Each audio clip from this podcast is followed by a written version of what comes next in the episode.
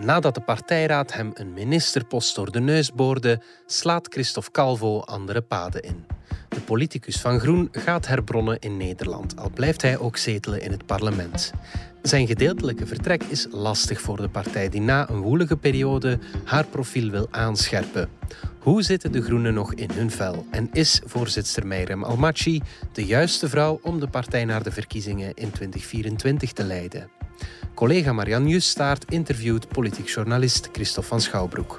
Het is vrijdag 5 februari. Ik ben Alexander Lippenveld en dit is de podcast van De Standaard.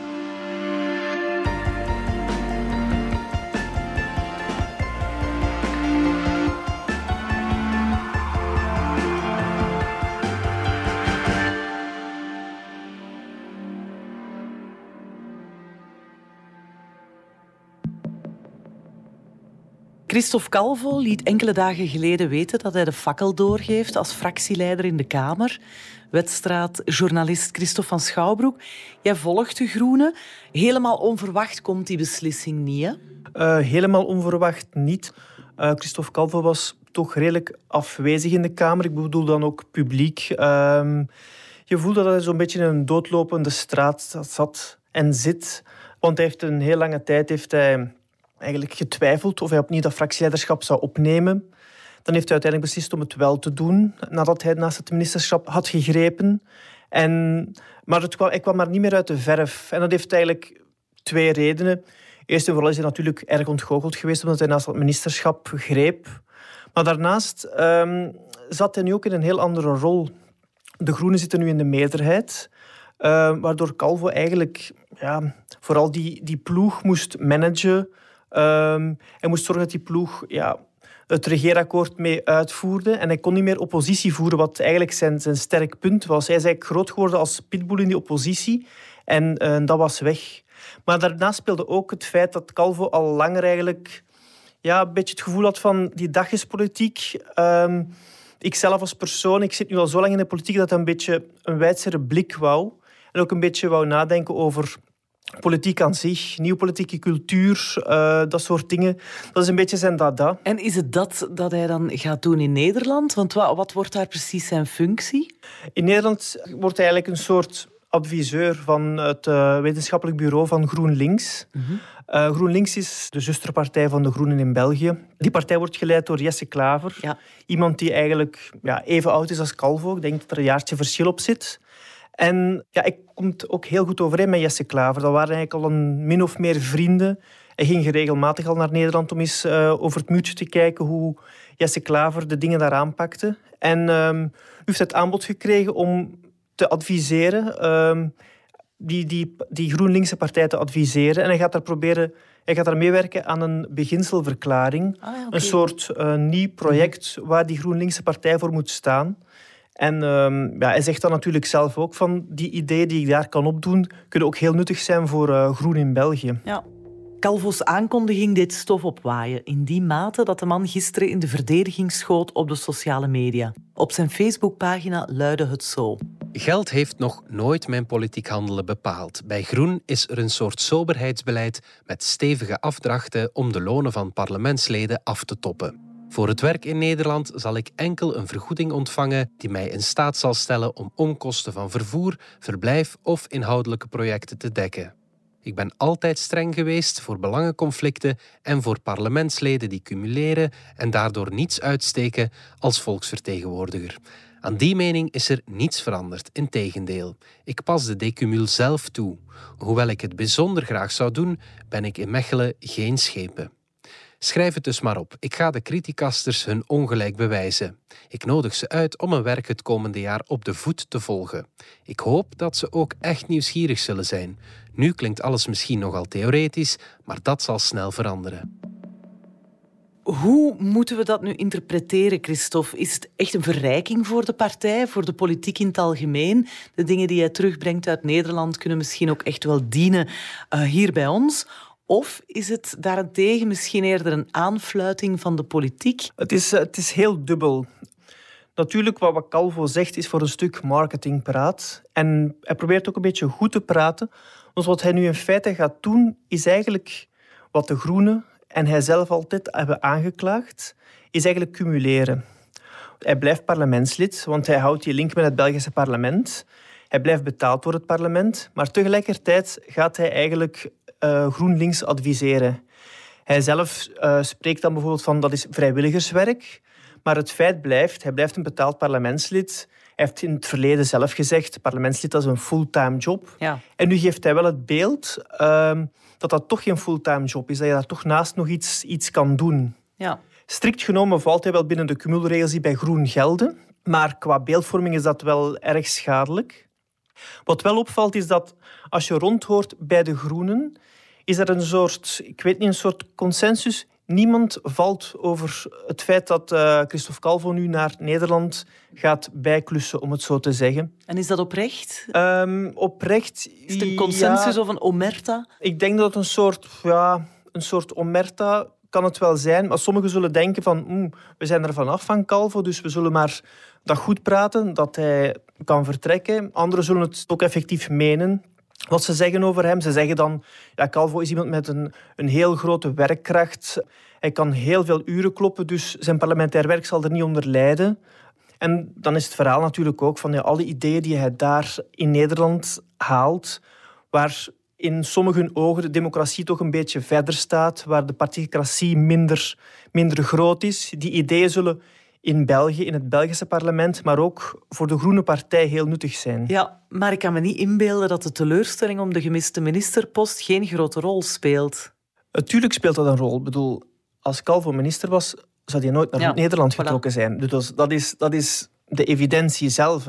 Dat fractieleiderschap, ja, dat, dat zat hem blijkbaar niet goed meer. Hij had daar te weinig schwung en drive en kon te weinig zijn ei daar kwijt in dat fractieleiderschap, maar ook binnen Groen, binnen de partij zelf misschien wel? Uh, voorzitter, uh, collega's.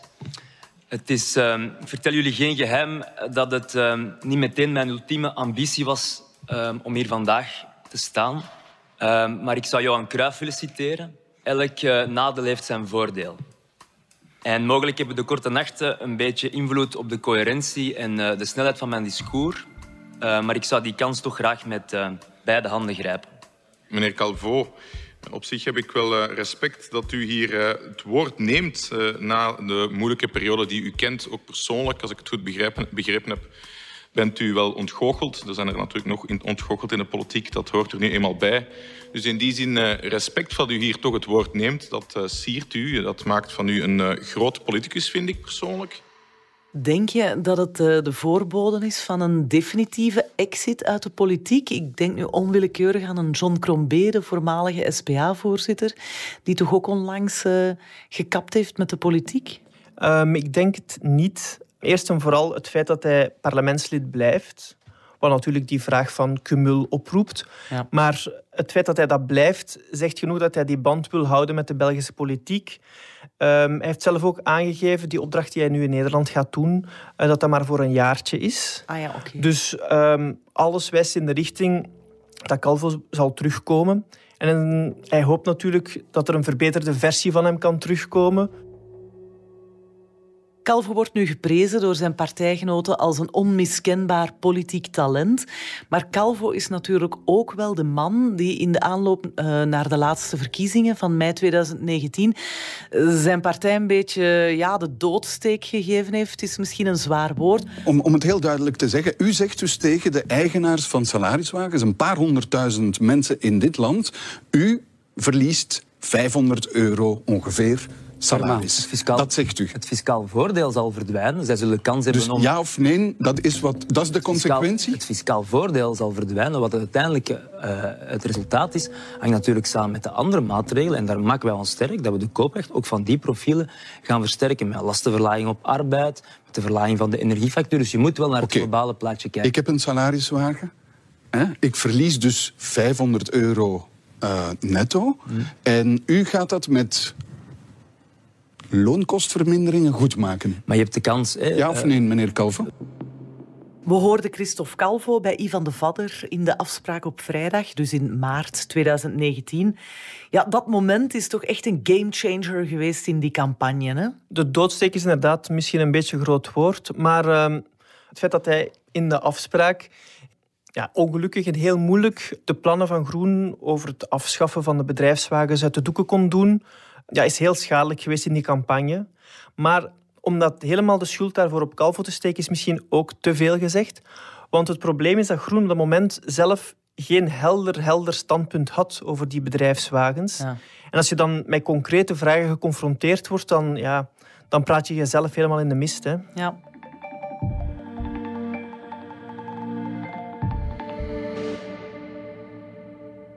In welke mate straalt Calvo zijn persoonlijke beslissing, zoals hij het noemt, af op de partijvoorzitter, Meirem Almachi? Dat is natuurlijk geen, uh, geen leuke boodschap voor Almachi. iedereen weet, Almachi en Calvo zijn niet de beste vrienden. Partijgenoot zei gisteren nog, ja, ze zullen nooit samen kerstmis vieren. Maar na het mislopen van dat ministerschap waren de plooien wel min of meer gladgestreken, voorlopig toch. Er was een soort consensus gevonden, een, een zakelijke relatie die er heerst onder de toppers, uh, zonder dat dat echt hartelijk is. Dus dat werkt opnieuw wel terug. Maar feit blijft dat Calvo voor die partij ja, een heel populaire figuur is. Ook buiten die partij iemand is die veel kiezers en stemmen kan aantrekken, hoewel hij minder gescoord had dan iedereen verhoopt en verwacht had bij de verkiezingen. Maar dat geldt voor, voor de, de hele groene partij per slot van rekening. Dus het feit dat je zo iemand moet verliezen, op een moment dat die partij ook zoekt naar een nieuwe stem, dat hij zich opnieuw terug wil profileren meer. Dat is wel ja, pijnlijk. Dat is pijnlijk. En daar komt nog bovenop dat hij eigenlijk al de tweede figuur is, het mhm. tweede talent in de partij, die eigenlijk uh, beslist om toch een beetje andere richting uit te kijken. Jessica Soors is hem al voorgegaan. Die werkt nu voor de staatssecretaris Schlitz. Mm Daar is ook de uitleg van, ja, het had niks te maken met het, uh, het mislopen van het ministerschap van Christophe Calvo. Het is algemeen geweten dat Christophe Calvo en Jessica Soors dat die eigenlijk heel goed overeenkomen. Maar ja, dat speelt waarschijnlijk toch wel mee. Ja. Uh, haar uitleg is geweest, ja, in het parlement, ik voelde mij, wat is wat het probleem wat Calvo nu ook had, dat ik eigenlijk daar niet genoeg kon betekenen. Dat is het eeuwige probleem van een parlementslid uh, dat in de meerderheid zit. Maar het interne geruzie, zeg maar, daar heeft Almachi een einde aan kunnen maken. De plooien zijn gladgestreken. Dat de plooien gladgestreken zijn, is misschien een, een groot woord. Binnen de partij heerst nu een soort gewapende vrede. Maar iedereen verwacht dat uh, vroeg of laat die, die animositeit die er in die partij heerst, dat die, die strijd tussen die uh, kopstukken, dat dat terug gaat ja. oplaaien. Er wordt gekeken naar het congres in de lente van 2022, het voorjaar 2022. Misschien dat tegen dan al terug wat mensen zich gaan positioneren en zetten. Dus er is gesproken, er is een zakelijke relatie. Maar ten tweede is de topgroep die vergadert, is ook ruimer geworden. Ah, ja. Omdat je, je had, vroeger had je dan Björn Joska, Calvo, Almachi en dan de politiek directeur. Dat is nu Bogdan van den Bergen. Maar nu zijn daar ook die Elke van den Brand als minister is daarbij gekomen, Petra de Sutter uh, en Tine van der Straten. En dan heb je meteen toch al een grotere groep uh, die ja, bij elkaar zit en dat heeft ook een beetje een dempende factor als er eventueel een soort conflict is tussen, tussen twee mensen. Nu, de partij zat uh, lang in de oppositie, nu niet meer. Uh, doet mee in de Brusselse regering en op federaal niveau. Ja, uh, deelnemen aan de regering betekent compromissen moeten sluiten. Soms natuurlijk toegeven op je eigen standpunten. Hoe gaan ze daarmee om? Um, tot nog toe gaan ze daar, daar ja, goed mee om. En we zijn als Groene Partij een partij die zoekt altijd naar constructiviteit en oplossingen. Het is het moment waarop we met elkaar in gesprek moeten gaan. Dus wij gaan luisteren wat hij te zeggen heeft. Ik kom vooral luisteren naar de intenties van de formateur van de grootste partij. Om te horen wat zijn bedoeling is, ook ten aanzien van ons. Er is eigenlijk in de partij, als je de partij rondhoort, is er eigenlijk consensus dat zowel Tine van der Straten als uh, Petra de Sutter in die federale regering goed gestart zijn. Um, ze komen degelijk over, iets wat de partij al langer wil. Ze willen ook niet meer weggezet worden als een partij van uh, die met de zotste ideeën komen. Dus uh, dat beeld stralen ze wel uit. Dus daar is grote tevredenheid over. Maar nu wordt eigenlijk gekeken naar een volgende stap. Want er begint zo wat vrevel te komen in de partij. Dat de partij zelf onvoldoende uit, uit de verf komt. Iemand zei me onlangs van ja, de twee die, die zijn misschien iets te loyaal in, in die regering zelfs. Dat ze te weinig hun eigen standpunt uh, durven, durven geven. Want er zijn toch wel een aantal dossiers waar de Groenen verveeld mee moeten zitten. Uh, mogelijk uitstel van de kernuitstap, het asielbeleid van Sami Medi. Uh, slikken zij dat zomaar allemaal? Wat betreft dat mogelijk uitstel van de kernuitstap, ja, iedereen gaat er nu naar uit dat uh, die kernuitstap dat, dat gaat lukken. Terwijl ze zelf ook altijd volgehouden hebben en gezegd hebben van mocht het echt niet gaan, ja, dan is er een plan B. Maar ja, iedereen weet, je mag, de Groenen mogen dan nog zoveel zeggen op voorhand. Er is een plan B en dat is geen schande. Iedereen gaat zeggen, oei, de Groenen zijn mislukt als dat niet lukt. Dus dat is sowieso een heel gevaarlijk dossier. Um, wat asiel betreft bijvoorbeeld, ja, is een van de punten waar ze nou op toekijken, is het asielbeleid van Medi. Maar ja, dat is een moeilijk dossier om, om u nu op te profileren ook, omdat het ja, in deze tijden is het ja, niet echt een dossier dat een, een hot topic is. Het, het, met alle coronamaatregelen ligt dat ook allemaal een beetje stil. Dus dat is, dat is minder. En dan heb je nog die stadstol in Brussel, hè, waar de Brusselse minister van Mobiliteit, Elke van den Brand, van Groen, uh, zich uh, enorm uh, mee wil in de markt zetten. Zij wil dat ook doordrukken, zelfs al is er geen akkoord van de andere regeringen. Dreigt ze dan vroeg of laat niet lijnrecht tegenover haar partijgenoten in de federale regering um, komen te staan? Dat is geen federaal dossier, dus ja, federaal zal, zal er geen probleem zijn. Maar eh, het risico bestaat, en de kans is heel groot dat die stadstol er nooit komt. Ja, Paul Magnet, PS-voorzitter, heeft hem eigenlijk al min of meer officieel begraven. De liberalen zijn er niet, niet voor, dus ja, de kans is zeer klein dat hij er komt. Maar binnen de Groenen leeft ook wel het idee van... Zo'n dossiers willen ze ook niet blijven meeslepen, de hele bestuursperiode.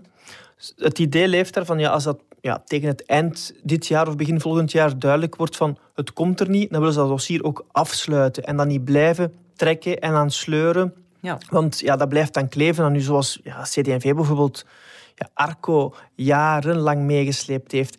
En dat willen ze absoluut niet, want het uh, kompas is eigenlijk gericht op 2024 nu. Ja. En de opbouw, alles wat nu gebeurt, is in functie ook van 2024 om daar wel ja. beter te scoren dan bij de vorige verkiezingen. Ja. Wij geloven dat het beste vaccin om uit het dal te kruipen de groene relance is. En ik wil hier vandaag dan ook een warme oproep doen aan de Vlaamse regering. Onze rijke en welvarende regio haalt vandaag geen enkele klimaat- of natuurdoelstelling. En dat kan anders.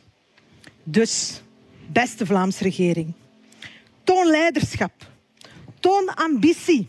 Regeer in plaats van steeds te reageren op anderen. Wat zijn volgens jou inhoudelijk en strategisch de grote uitdagingen voor die partij? De strategische uitdaging zal zijn om zich te kunnen profileren. Um, om zich te kunnen profileren zonder, moet ik het zeggen, zonder... Deloyaal te zijn. Zonder deloyaal te zijn, maar ook zonder het beeld te krijgen van oei, die groene, daar valt niet mee te besturen. Want dat is het beeld dat ze al decennia lang meeslepen. Dat is ook de reden wellicht waarom uh, de ministers nu heel loyaal in de regering zitten. En je hebt al een paar keer gemerkt, als iemand iets, iets zegt uh, dat uh, ja, buiten de consensus ligt, dan is direct weer het beeld van oei, de groenen, daar valt niet mee te werken, daar valt niet mee te besturen. En dat wordt een hele moeilijke evenwichtsoefening. Want je moet natuurlijk ook je punten kunnen maken. Je moet af en toe een keer, zoals andere partijen dat ook doen, uh, Socialist Magnet doet dat nu tegenwoordig constant. Ja, zeggen, hier staat mijn partij voor. Um, even iets aan de rand van het regeerakkoord zeggen, of zelfs buiten het regeerakkoord zeggen. Um, dat evenwicht vinden zal, zal heel moeilijk zijn. Die profilering vinden, maar toch niet het verwijt krijgen van oei, dat zijn weer die, die naïeve groenen of die groenen die niet realistisch zijn, die uh, ideeën hebben die niet in de praktijk kunnen gebracht worden. Dus dat is het grote evenwicht dat ze moeten zoeken. En inhoudelijk moeten er een paar grote klimaattrofeeën worden binnengehaald, uh, symbooldossiers? Of uh, zullen zij zich toch eerder ook moeten richten op een uh, armere klasse, zodat ze niet het beeld terug hebben van groen is er voor de poen, of wat was het weer al? Dat is, dat is eigenlijk een grote bezorgdheid die altijd al, al die ook tijdens de campagne leefde. Bijvoorbeeld de socialisten probeerden groen dan weg te zetten als ehm, partij die wel ja, voor de groenen is, maar niet sociaal genoeg. Ja, enkel voor en hipsters. Hè? Ja. Dat is een heel grote bezorgdheid om, om te tonen van die combinatie van sociaal en groen, dat die perfect kan. Um, dat is een van de grote bezorgdheden. Ze zullen sowieso ja, een aantal groene trofeeën moeten hebben. Ja, het sluiten van de kerncentrales zal sowieso de mhm. grootste trofee zijn als dat lukt. Maar in principe zitten zij redelijk goed in deze regering. Als, als de premier al zelf zegt, ja, we hebben hier het groenste regeerakkoord ooit gesloten. Um, met die relanceplannen die er nu zijn. Er zitten ook heel veel groene elementen in, groene plannen in. Dus als die, die clip van die kerncentrales genomen wordt, als die kan gesloten worden, dan met een beetje geluk zien de groene Tine van der Straten het ene lintje na het andere lintje doorknippen van, van nieuwe energieprojecten die, uh, die groen zijn, die duurzaam zijn. En dat is eigenlijk het, het beeld dat men, dat men wil eigenlijk, uh, in de markt zetten ook. Maar intern moet er dus nog wel een nieuw elan gevonden worden. Je schreef dat, uh, dat ze binnen Groen zelfs wat jaloers kijken naar wat Conor Rousseau, de partijvoorzitter van SPA, allemaal doet uh, bij de socialisten. Ja, er wordt vooral gekeken naar, naar de manier waarop Conor Rousseau die partij terug ja, hip gemaakt heeft, mm -hmm. fris gemaakt heeft, in de markt gezet heeft. Um, ja, de vraag blijft natuurlijk, ja, hoe lang is dat houdbaar en zal dat uh, renderen tot 2024, wanneer normaal gezien de volgende verkiezingen zijn. Bij Groen kijkt men daar wel naar. Men denkt van, ja, wij zijn een beetje buiten beeld op dit moment. Je voelt als je met mensen belt binnen de partij dat dat wel leeft. Dat gevoel van, we moeten terug ons meer profileren. Zoals ik daarnet ook al gezegd heb. Dat kan door even een straffer standpunt in te nemen dan, dan de consensus in de regering. Dus dat elan moet wel gezocht worden. En ja, dat is niet zo eenvoudig momenteel omdat ja, je hebt een voorzitter die enerzijds haar punt gemaakt heeft van wij, wij doen op een andere manier aan politiek. Wij polariseren niet, wij gaan niet het conflict opzoeken. Terwijl je eigenlijk in een, in een maatschappij zit waar die polarisatie ja, heel sterk aanwezig is, waar, waar daar ook de schijnwerkers op gericht worden. Dus het is heel moeilijk om je op die manier eigenlijk uh, scherp in beeld te komen op die manier. Plus heb je een voorzitter die ook ja, redelijk voorzichtig is in haar communicatie en moet zijn, omdat ja, het risico bestaat altijd dat als ze zich te fel profileert zelf of als zij bepaalde standpunten inneemt, dat binnen de partij de ene of de andere partijgenoot terug gaat beginnen morren, dat de, de conflicten die eigenlijk nu bedaard zijn, dat die terug gaan oplaaien. Is Almaty volgens jou de figuur om die partij richting 2024 klaar te stomen voor de uh, volgende grote verkiezingen? Almaty zal, tenzij ze zelf vervroegd opstapt of beslist op te stappen... Is daar sprake van? Daar is nu meteen ah, sprake van, nee. Um, zal zij voorzitter zijn tot, tot na de verkiezingen. In principe is men bij Groen vijf jaar voorzitter en maximum zes maanden na de, na de volgende verkiezingen. Dus zal zij ook de volgende verkiezingen voorbereiden, tenzij ze natuurlijk ja. zelf anders beslist. Almaty zelf in de partij is ze nog altijd wel gedragen. Ze heeft wel de vorige voorzittersverkiezingen nipt gewonnen van Björn Joska, maar in de partij is zij nog wel altijd gedragen. Maar tegelijk leeft in de partij wel uh, sterk het gevoel van die vernieuwing en, en is die drang wel aanwezig. Als ze zelf wil standhouden, zal ze er antwoord moeten aan opbieden. Zal zij moeten, ik weet niet op welke manier, toch zorgen dat die vernieuwing naar boven kan komen, dat andere mensen kunnen doorstromen, um, dat er misschien andere mensen ja, kopstukken naar boven komen, ja. uh, de lijst, nieuwe mensen de lijsten gaan trekken. Ja. Andere mensen of veranderde mensen. Een uh, Calvo die zichzelf heruitgevonden heeft, kan misschien uh, de Connor van Groen worden. Um, ja en nee. Dit, de weg die hij nu aflegt is eigenlijk ja, min of meer de enige piste die hij kon bewandelen om een kans te maken om... Hij moest een beetje afstand nemen om eigenlijk vernieuwd terug mhm. in die partij te komen, naar die partij te komen. Of dat lukt, dat is nog maar de vraag. Um, dus je zegt, ja, hij blijft wie hij is. En een jaar is ook niet zo lang. En uh, ten tweede, ja, het feit dat hij cumuleert, ja. zal bij sommige groenen toch ook um, een beetje gevoelig en moeilijk liggen, vermoed ik. Oké, okay, Christophe van Schouwbroek, dankjewel. Graag gedaan. Dit was de podcast van De Standaard. Bedankt voor het luisteren. Reageren kan via podcast.standaard.be. Alle credits vind je op standaard.be-podcast. Maandag zijn we opnieuw.